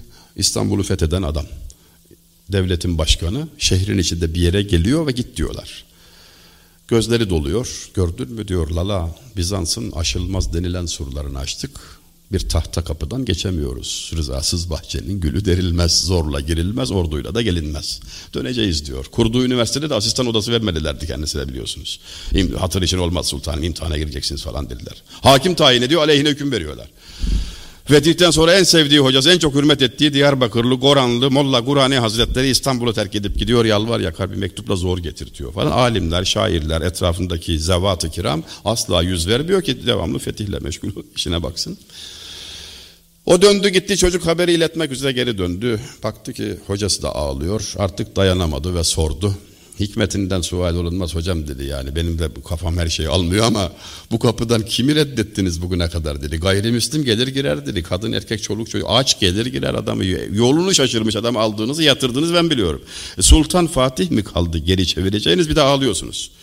Onun da ağladığını herhalde tahmin edersiniz yani söyleyeyim dedi ya mahzun gitti biliyorum evlat dedi biliyorum da. O hardware biz software. O gaza askeri biz dua askeri. Onun işi orada bizimki burada. Gelir de bu sohbetten lezzet alırsa biliyorum aşka istidadı var. Çok kabiliyetlidir şiirinden belli. Tutulur. Devlet gözünden düşer, işlerden soğur falan millete ziyan vermiş oluruz. Ben ona görüşemeyiz demedim. Şimdi git ayrılık olmayan yerde görüşelim dedi. Herkes işine baksın. Döndü gitti onun randevusu öyle gecikti. Molla Cami Hazretlerini çağırdı. Molla Cami Hazretleri geldi. O başka türlü davrandı.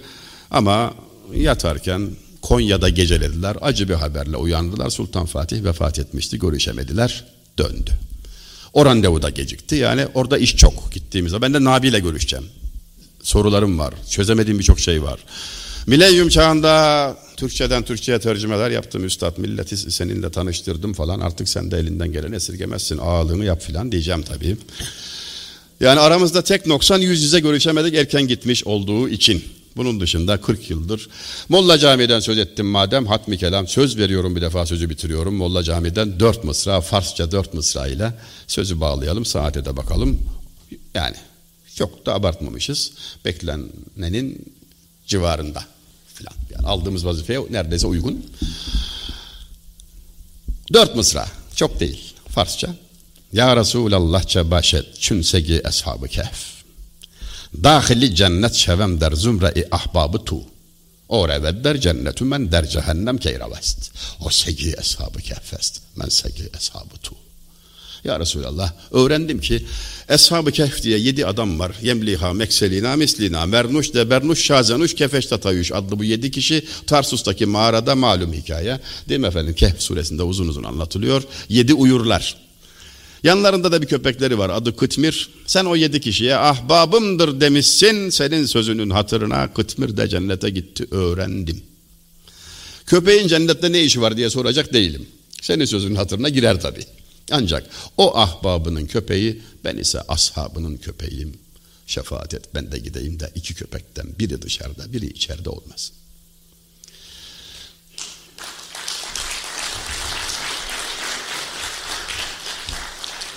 Ya Rabbi cehenneme hak ettiğimi biliyorum diyor Hasan Basri. Dua ediyor. Ya Rabbi cehenneme hak ettiğimi biliyorum da diyor. Girersem iblis sevinecek beni affet.